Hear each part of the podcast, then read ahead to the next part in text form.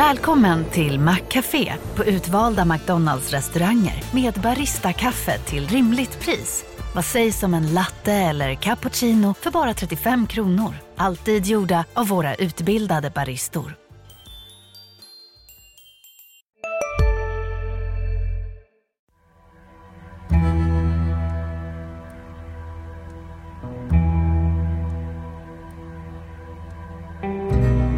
Lyssnar på Studio Krim. Jag heter Ricardo Burrows och jag är reporter här på LT. Eh, och jag sitter här som vanligt tillsammans med krimreporter Torbjörn Granström. De lovades heltidsjobb här i Sverige, bara de kunde betala 230 000 kronor vardera till sin landsman. Nu vittnar 11 stycken indiska medborgare i rättegången mot den 51-årige Södertäljebo som tagit deras pengar och satt dem i arbete under slavliknande förhållanden. Det är enligt åklagaren. Men innan vi ger oss i kast med det så, Tobbe, det pågår ytterligare en viktig rättegång just nu. Ja, det är det första åtalet som har väckts eh, i den här uppblossade konflikten som startade i höstas mellan de här två falangerna som vi kallar det. Saltskogsfalangen och Ronnafalangen.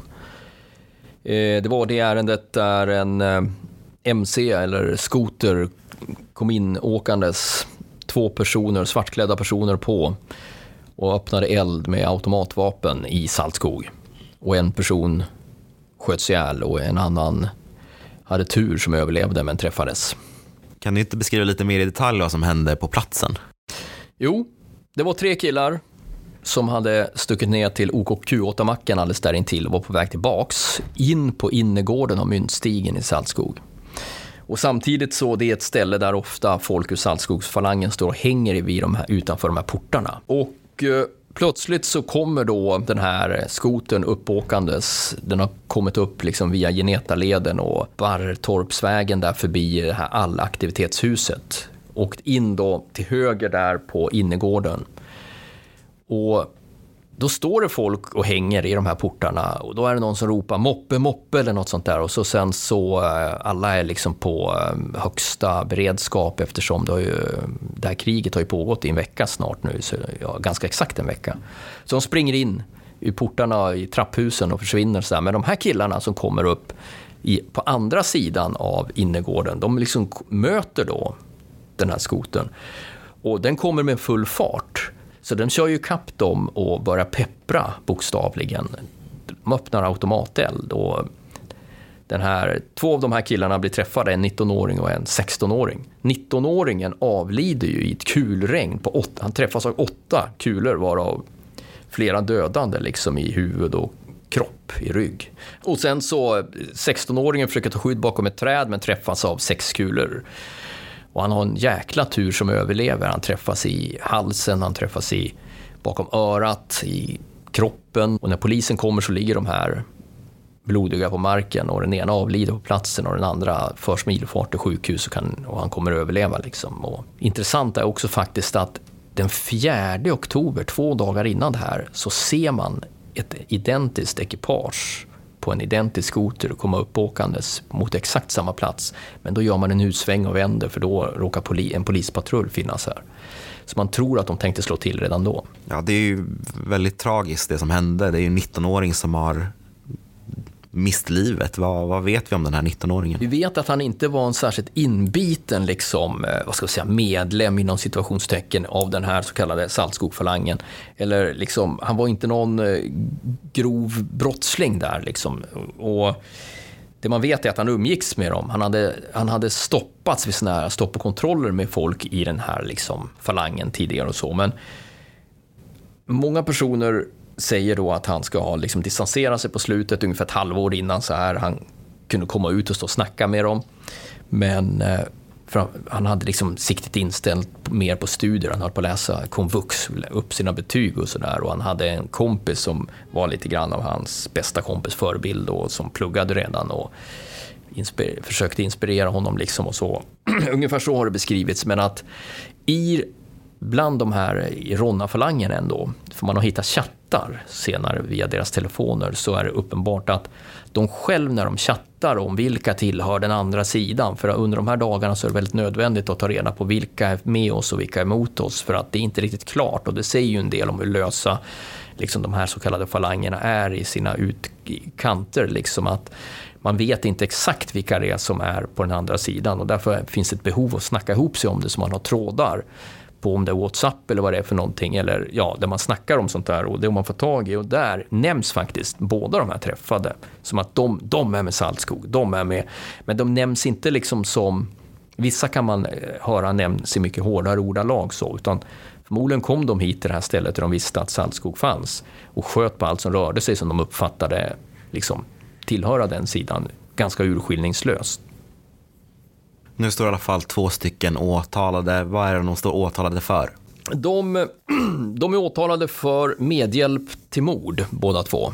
Men okej, okay, bara medhjälp. Är, är, alltså, har vi en ny situation som det här åkermordet som vi har pratat om i tidigare avsnitt där man inte riktigt vet vem det var som mördade eller finns det någonting annat här som ligger bakom just det här med medhjälp till mord? Det är ändå en person som dött, tänker jag. Båda har ju suttit väldigt länge för mord. Alltså de har ju suttit häktade misstänkta för mord. Sen har åklagaren mot slutet ändrat till rubriceringen till medhjälp. Och det är därför att han har ska vi säga, säkrat upp med hängslen och livrem för att eh, den bevisning som har framkommit då har, ja, håller liksom, eh, har, har större chans att liksom gå igenom på, på medhjälp och inte på direkt mord.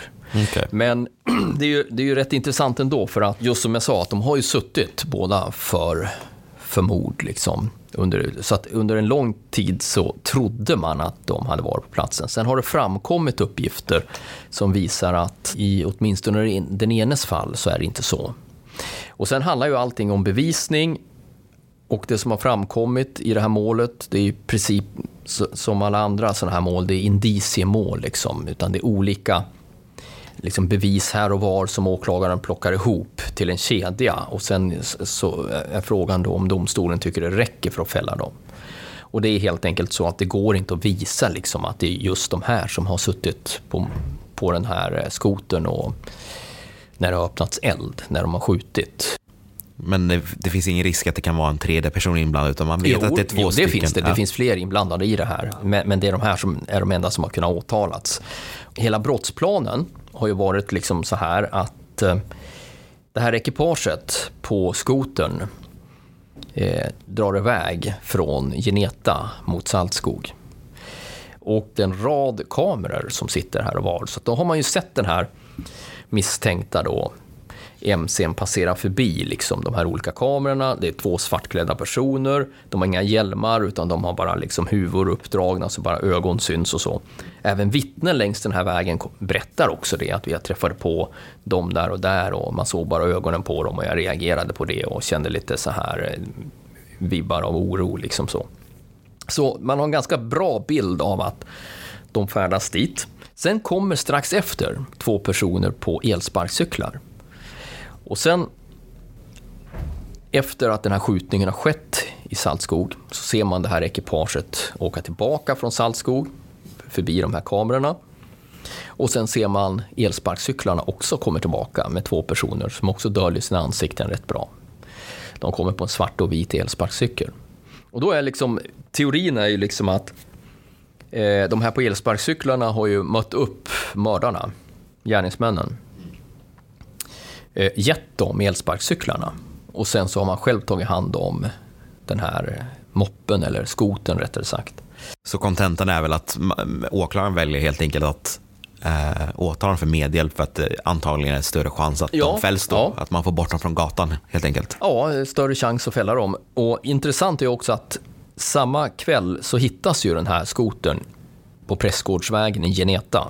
Fortfarande avgasröret varmt. Man är rätt säker på att det här är eh, fordonet. Och eftersom Södertälje vid det här laget eh, är, har absolut högst prioritering hos NFC, Nationellt forensiskt centrum i Linköping. För vi ska ju veta det att det här sker ju den 6 oktober. De här våldsamma skjutningarna i Södertälje börjar ju den 30 september. Då sker det första mordet i Ronna. Den 1 oktober sker det andra med den här 41-åringen som tros ha skjutits av misstag. Den 6 oktober sker det här. Och då är ju liksom fullt av poliser i Södertälje. Eh, Södertälje är prio ett i hela landet. Så vad man gör är att man i ilfart kör ner den här skotern till Linköping och undersöker den och hittar då DNA från de här två åtalade på den här skotern. Så det är liksom ett av de här bevisningarna i den här indiciekedjan. Mm. Sen är det också intressant därför att under resans gång, under utredningens gång, så har då en av de här killarna erkänt att det var han som åkte på elsparkcykeln, den ena elsparkcykeln, efter det här ekipaget. Man har också konstaterat att han har haft två elsparkcyklar, en svart och en vit. Eh, och ju mer sådana uppgifter som har kommit fram, till slut har han då känt sig tvungen att berätta att jo, men han åkte faktiskt på den och han lämnade över den till någon. Men han hade ju ingen aning om att den skulle lämnas över till någon som hade gjort någonting sånt här, som att mörda någon. Är ju liksom, var, han lämnade ju över den utan att veta liksom att det... För han förnekar ju liksom inblandning i, i hela händelsen. Så, så det är ju ändå intressant, för mellan raderna så säger ju, om det då stämmer de uppgifterna, så kan ju han inte ha varit på platsen och skjutit. Han kan ju inte ha tillhört det ekipaget som alltså ingått där bland de här två som sitter på skoten. Mm. Men den andra är faktiskt intressant i sammanhanget. Därför det är hemma hos honom man hittar båda de här elsparkcyklarna sen. Och då kan man ju ställa frågan, jaha, skedde det ett till byte? är det sannolikt? Eller varför hittades det där? Det är också hemma hos honom som ett, en granne, ett grannvittne sen ser att det bränns, eldas i hans grill. Och det är svart bolmande rök som kommer upp. Det här är Geneta då. Och eh, det luktar liksom gummi och plast, plast och sånt där. Liksom. Det, det, liksom, det, är inte, det grillas inte kött liksom på den grillen, utan det är något annat som eldas upp helt enkelt. Ja, det blir ju mycket för åklagaren att nysta här. Alltså, det är ju många olika delar, men det jag reagerar på är ju verkligen hur mycket man vet på något sätt. Alltså så här, du förklarar en ganska långt händelseförlopp. Att det verkar som att polisen har ju ganska stor inblick på många olika delar. Och som du själv nämner, Eh, man har ju prioriterat Södertälje strax efter att de här skjutningarna började där i höstas. Um, och man upprättade en särskild händelse. Och det jag kanske själv reagerar på är ju, polisen har ju tidigare fått ganska mycket kritik för att alltså många av de här gängkonfliktsmorden har gått ouppklarade. Att det mördas men ingen ingen grips eller man har liksom inga misstänkta. Eller så har man misstänkta men man har för lite bevis för att fälla dem. Nu är det ju väldigt många som sitter liksom gripna eh, i olika ärenden. I olika ärenden. Vi har ju 41-åringen vid Genetaleden, han som, blev, som polisen tror blev oskyldigt skjuten. Eh, vi har de här två nu då, första rättegången. Någonting har ju hänt, säger min magkänsla, eller? Man kan säga att de har fått, eh, eller alltså polisen har haft rätt, rätt stor framgång vi vet inte hur de här domarna kommer falla ut och sådär, men bara att det väcks åtal är ändå en fördel, för det kastar ändå ljus över händelsen. Om inte åtal hade väckts här så hade vi liksom inte vetat ett dugg. Mm. Och här ser man ju ändå liksom, det finns ändå en händelsekedja och alla som läser det kan ju faktiskt ja, få ju en insikt i, i en hel del i alla fall. Men man kan ju säga så här att det som hände i höstas när det boll, liksom blossade upp till öppet krig och där de sköt tre pers på inom loppet av någon vecka eller något sånt där. Eller dödade tre personer och sköts fler. Så kan man ju konstatera att det händer ju någonting där. Man blir förbannad på varandra och den utlösande faktorn är förmodligen den här skjutningen 23 september i Saltskog när några personer rånar falangen, två personer blir beskjutna och flyr därifrån. Det är någonting som sker där och, och då, in, då blossar allt det här upp. Och effekten av det här är att det här är rätt unga personer. Eh, känslorna är i svall, man är förbannade och man ska hämnas hit och dit. Då sker en massa misstag som inte alltid sker i gangstermord. Därför de är ganska, de är väldigt planlagda. Det är liksom personer som eh, liksom har olika uppgifter i en eh, mordkedja där man tar hand om vapen och allting och sånt där. De har förvisso haft lite grann det här med, som jag snackade om nyss, liksom elsparkcyklar och så, men det är fortfarande en mycket enklare plan liksom och det, eh, det, det öppnar upp för misstag och det öppnar upp för att polisen ska komma in om man säger så. Ja, men för det som fick mig att börja reagera lite kring att jag kanske börjar se en, en förändring i hur, hur man får tag på folk är um, det var ju förra veckan som det sköts. Det här har ingenting med Södertälje att göra så jag ber lite om ursäkt. Men det var förra veckan det sköts i Rågsved och jag bor i Rågsved och bor väldigt nära där det här skedde. Så det är ju balkongen öppen den kvällen. Det var ju ganska varmt den dagen om jag minns rätt, men jag brukar ha balkongen öppen och jag hör ju skotten. Och det går verkligen inte lång tid innan eh, man hör liksom första helikoptern komma och sen andra helikoptern komma och sen spejar jag ut över hela Rågsved och så är det blåljus överallt. Alltså det, jag kunde inte kolla Och där har de också gripit folk. Och där grep de fem samma Alltså morgonen efter när jag läste om nyheten så var det ju fem gripna. Nu är ju alla satt på fri fot förutom en ja. då, som är misstänkt för mordet. Men det känns som en förändring, alltså att så många poliser kunde vara där på Hej, Ulf Kristersson här. På många sätt är det en mörk tid vi lever i. Men nu tar vi ett stort steg för att göra Sverige till en tryggare och säkrare plats. Sverige är nu medlem i Nato. En för alla, alla för en. Vi är specialister på det vi gör, precis som du. Därför försäkrar vi på Swedea bara småföretag, som ditt. För oss är små företag alltid större än stora och vår företagsförsäkring anpassar sig helt efter firmans förutsättningar. Gå in på swedea.se företag och jämför själv. Så kort tid förvånade det även mig. Hur mycket vi än har pratat om det här i podden så blev det ju någon sorts väckarklocka. Aha, det kryllar av poliser i den här staden just nu. Ja, och i Rågsved var det väl också unga gärningsmän. Var det inte där det var en 15-åring eller vad, vilken är det som Ja, precis. Det var en 20-åring som, eh, som miste livet då vid, vid en grill ganska nära mig. Eh, men det var okay. väldigt unga personer som, som tycks ha varit inblandade. Nu är inte jag helt inläst i, i det fallet eftersom det inte rör mitt bevakningsområde utan jag läser ju bara Nej. vad medierna säger. Men, eh, men, men om vi har i, I Södertälje så har vi väl eh, fem mord i, liksom, eh, som har inträffat efter det här uppblossandet, om vi säger så. Och i tre av de fallen ser det ut som att det ska väckas åtal och då brukar polisen säga att vi klarar upp ungefär 20 procent av morden, säger de. Mm. Eh, men jag skulle bra gärna vilja faktiskt kontrollera den siffran också, därför att tar du bort allting från Encrochat, där man läser om de här morden, och Anom och Sky och all, alla de här apparna där liksom vi läser svart på vitt om morden, ta bort alla dem, för de skulle man ju inte veta om man inte hade liksom avslöjat det här. Under normala omständigheter undrar jag om det är 20% i gangstermiljöer. Eller har man räknat... Jag måste faktiskt undersöka det där. Har de lyft in andra mord i den statistiken? Oavsett så kan vi konstatera att även om det skulle vara 20% så är det ju liksom lite. Och i det här fallet är det 3 av 5, så att ja, men då är det ju vad är det, 60 procent då, så, eh, som det kommer i alla fall väckas åtal i. Sen får vi se om det blir fällande domar eller så, men statistiskt så ligger de ju bra till. Och det sista mordet har vi inte nämnt där då, men det var ju det här som skedde i Flemingsberg. Mm.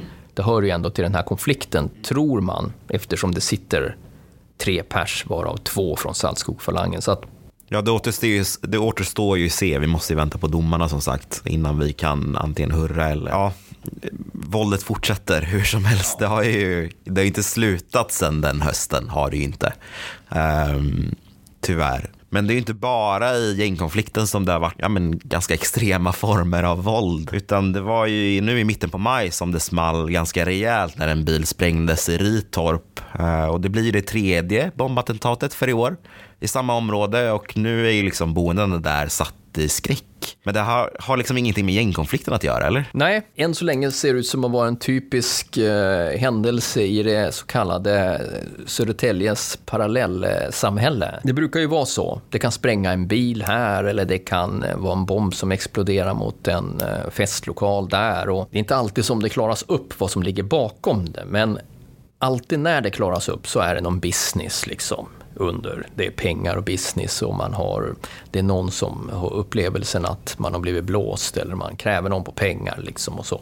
Så man vill inte göra illa varandra utan man vill skrämma Nej, det, varandra? Det är ju det liksom att man vill ju ha, man vill ha pengar och, och då tycks det utifrån de källor som vi har vara någon liknande fall här. Det betyder ju inte att det är så att de här som har drabbats är liksom skyldiga att betala någon, men det finns någon där ute som tycker det. Och i det här fallet så, enkelt uttryckt, så köpte man en, eh, Ja, det här har jag fått förklarat, att man, har, man, man gick ihop ett antal personer och investerade i ett företag. Eh, utanför Södertälje ska sägas. Men eh, en av de här personerna ska ha upplevt sig som att blivit blåst av de andra. Det är det som påstås då. Och, eh, eh ja, och att det, det, har legat bakom den här kedjan av explosioner som har varit och detonationer. Liksom. Men du menar alltså att de här typerna av sprängningar har varit vanlig, vanligt i Södertälje? Vi har ju exempelvis sen explosionerna eller sprängningarna mot festlokalen i Geneta på Klockarvägen, Syrisk-ortodoxa kyrkans festlokal där man brukar anordna bröllopsfester och sånt där. Det är ju en av 8, 9, 10 festvåningar i Södertälje. Och kring de här festvåningarna så har det ju varit lite händelser genom åren. Och mot den har det varit tre eller detonationer. Eh, och där eh, såg det ut som att man inte skulle få reda på vad det var, därför ingen av de, vad ska vi säga, berörda hade någon aning om vad det var. Eh, men eh, det kom ju faktiskt fram genom att man hittade spår på det här batteriet och sladden som man använde för en av de här detonationerna när man sprängde en bomb. Och då dömdes ju en person ur den kriminella miljön där i, som är egentligen kopplat tror jag, till Ronna-falangen idag. Men då var det ju inte riktigt falanger, för det här var 2018-19. Eh, så han dömdes ju för det, helt enkelt.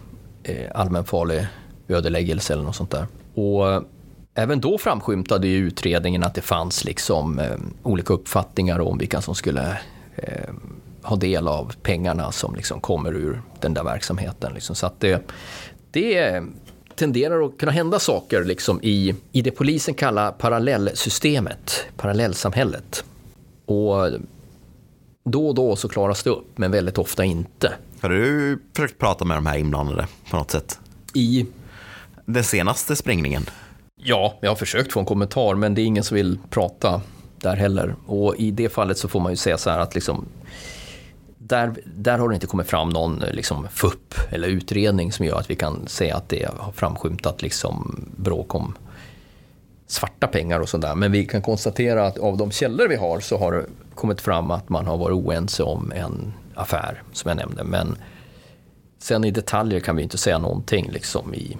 Ja, vi får helt enkelt avvakta och se om det här kommer klargöras eller inte. Eh, tid verkar ju ta många gånger i alla fall. Men eh, jag tänkte i alla fall svänga tillbaka till det jag nämnde där i början av avsnittet. Det är alltså en 51-årig Södertäljebo som nu står åtalad för 11 fall av eh, människohandel. Det är alltså 11 stycken indiska medborgare som vittnat mot den här Södertäljebon om att han har ja, men, lurat hit dem från Indien. Alltså, han har sagt, lovat dem heltidsjobb så länge han får betalt 230 000 kronor. Um, men så, um, ja, det var ett annat liv som väntade dem här i Sverige förutom ett heltidsjobb. Vad, vad var det som hände här? Ja, men de hade ju, enligt dem själva, blivit lovade tills vidare anställning, alltså en, ett fast jobb med en månadslön på eh, cirka 23 000 eller något sånt där. Och, det, och då hade de bilden framför sig att då skulle de kunna bo och jobba i Sverige i överskådlig tid. Liksom. Och vissa tog hit sina familjer och så också. Då. Och eh, när de väl kom hit så var det inte riktigt så, utan det var förvisso så att de, de liksom erbjöds jobb via den här 51-åringens bolag. Och han i sin tur hade olika kontrakt med olika företag som de kunde åka ut och städa, de kunde åka ut och göra liksom reparationsarbeten eller de kunde mm, skotta snö och sådana här saker. Men det var liksom mer ströjobbskaraktär och enligt eh, deras målsägarbiträde då, så ska ju flera av de här kanske tjäna en 20 000 på ett år eller något sånt där. Inga och det var inte alls vad de hade förväntat sig. Och de och menar då att de hela tiden blev lovade att jo, men det kommer, det kommer, det kommer eller något sånt där. Men att det, till slut insåg de att det här skulle aldrig bli fallet. Och då hade de ju pantsatt och sålt liksom ägodelar i Indien då.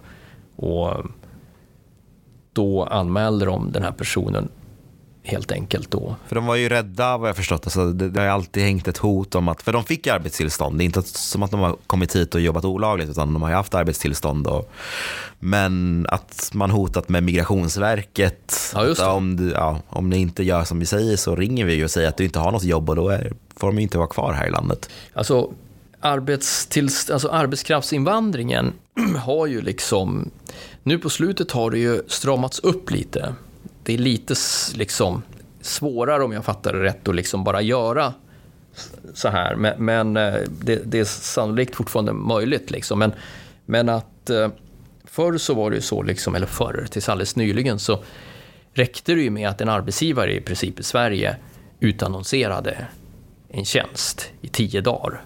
Och sen så alla som sökte den så, om, kunde, om, om några sökte den utifrån EU liksom, så var det upp till arbetsgivaren att liksom bedöma att de här är mer kvalificerade för min verksamhet än de här. Och hela systemet var upplagt på, det var väldigt enkelt att ta in folk den vägen liksom till, till Sverige. Då. Och, eh, så att det, var också liksom lite grann i hela systemet, det fick, fick ju kritik också, att det var ju bara liksom den här typen av upplägg, om de nu stämmer, liksom, att man då vänder sig till folk utan och säger så här, okej, okay, vi har så här, jag kan fixa att du får arbetstillstånd men du får betala mig 230 000 först. Det är liksom systemet upplagt för det lite grann. Det är, det är givet att det skulle dyka upp sådana här fall. Och det har ju dykt upp andra sådana här fall också, men och man tror väl att det är ganska utbrett egentligen och så, sånt som man aldrig har upptäckt. Så, så, så, det stämmer ju, liksom, de hade ju det här liksom arbetstillståndet då. Och eh, om de då de var i liksom en beroendeställning till den här personen då, för skulle de börja liksom kritisera och klaga och ifrågasätta, då skulle, då, återigen menar de målsägarbiträdet till de här personerna, att då hände det i vissa fall att eh, det slogs en signal till Migrationsverket och så sa man att person X, Y och Z jobbar inte längre i det här bolaget. Ja, men då får de arbetstillståndet indraget, då, får de, då har de inte rätt egentligen kanske att stanna. De, de hade liksom det trycket på sig och de som hade tagit hit sina familjer speciellt, de kände att de kunde inte göra det här. De hade ju liksom dessutom sålt grejer och, och tagit sig hit. Sen har jag fattat det här som att det ska ju sägas att han säger ju att det inte har varit något sånt här löfte i botten då, utan att han snarare såg att han hjälpte de här till Sverige Eh, han säger ju att han inte har fått några pengar och sånt där, men det, det säger ju alla att han har fått. Sen att bevisa det och så. Men eh, ja, ja, han, han säger i alla fall så här i eh, förhör att tittar man på restauranger, liksom från indiska restauranger och så här, så hittar man knappt någon där det inte finns såna här förhållanden, liksom att man har tagit in folk och de kanske inte jobbar heltid, utan de liksom hjälper till lite grann och sånt där. Och så kan man väl säga att under det här året eller något sånt där, när, när de så inhystes de ju i en lägenhet och en villa som den här 51-åringen hade tillgång till i Sverige. Liksom. De fick bo där. Eh, och, fick hjälpa till att liksom bygga altan och skotta snö hemma hos honom också. Sånt här, och, säger de då. Och, eh, men det är ord mot ord, det skulle säga så. Men, men, Absolut. Men vem är den här 51-åringen då? Ja, 51-åringen, vi kan väl säga att han, eh, han har ju liksom figurerat lite grann. Eh, nu om jag fattat det rätt utifrån den här liksom utredningen så, så ska han ha liksom sålt huset som fanns i Södertälje. Vi preciserar inte exakt var det fanns eftersom det är ingenting som är dömt i det här fallet än. Så att vi säger bara Södertälje. Liksom så. Men eh, man vet att han bodde i Portugal och Dubai en hel del enligt åklagaren under de sista åren. Eh, han eh, avtjänar just nu ett straff för grovt bokföringsbrott. Man grep honom i Portugal för det här med människohandel. Eh, därför några av de här indierna hade åkt ner dit till Portugal också. För när, de inte, när det inte funkade i Sverige så åkte de till Portugal av någon anledning och jag har förstått det som att det var ett land som det var lätt att få stanna i. Och där greps han och då var han misstänkt för liksom bokföringsbrott i, i samband med att man gjorde undersökningar av hans bolag och sådär. Men sen så dessutom så har han ju då haft en misstanke mot sig. Ekobrottsmyndigheten har ju utrett honom och då har han varit misstänkt för enorma momsbedrägerier, såna här telefon, de här telefonmomsbedrägerierna som Just. har varit omskrivna. Och då eh, ska han ju då ha, ja, staten ska bli lurad på 150 miljoner. Men sen om eh, hur det går med det ärendet måste jag kolla upp faktiskt, för enligt hans försvarare kommer det inte väckas åtal där. Då kommer det, det kommer läggas ner, eller om det inte har lagts ner redan. Men det är alltid min bild kring de här ekobrotten, att de är lite, de är lite kämpigare att ro i hamn för liksom myndigheter. Jag vet inte om det handlar om bevisning eller om, eller om myndigheter ibland är liksom för snabba med att liksom sätta igång en rättegång eller vad det nu kan handla om. Men... Ja, och skulle det vara så att de har lagts ner, då kan man ju ändå konstatera att det måste ha hänt under tiden som han sitter och avtjänar det här straffet och i avvaktan på de här ärendena med människohandel. Skulle det då på något sätt ha hänt så måste han ju skatta sig rätt lycklig ändå där i sin där han befinner sig, håller på att säga. Därför att det här är ju lite småpotatis mot det, om man säger så. 150 miljoner är inte lite ja, pengar. Och sen så är det ju, ska ju sägas också att det här var ju då 11 personer och de här, vissa av de här personerna menar ju att de är ju bara en bråkdel liksom av andra personer som har liksom på motsvarande sätt hjälpts kanske till, inte, inte till Sverige i första hand, och de har inte bott i Södertälje så som de här har gjort. De har kanske åkt vidare till Storbritannien, det är väl det vanligaste landet liksom till, när det gäller liksom från den delen av världen och så också. Och, men äh, återigen, han menar ju att han har hjälpt dem. Det här är en förhandling som ska pågå i 20 dagar. Läste jag rätt då? 20 dagar, ja. ja. Precis. Så omfattande om inte annat. Ja. Men ja, vi kommer ju, vi kommer ju belysa det här eh, vidare på LT som vanligt. Ehm, men jag tror kanske att vi rundar av veckans avsnitt. Det börjar bli lite långt. um, så jag vill tacka er som har lyssnat och så hörs vi om två veckor igen. Hej, Synoptik här. Hos oss får du hjälp med att ta hand om din ögonhälsa. Med vår synundersökning kan vi upptäcka både synförändringar och tecken på vanliga ögonsjukdomar. Boka tid på synoptik.se. Big Mac har miljarder fans över hela världen. Under mer än 50 år har den skapat popkulturell historia. En legend med 100% nötkött och den mytomspunna såsen. Nu finns Big Mac för bara 39 kronor på McDonalds.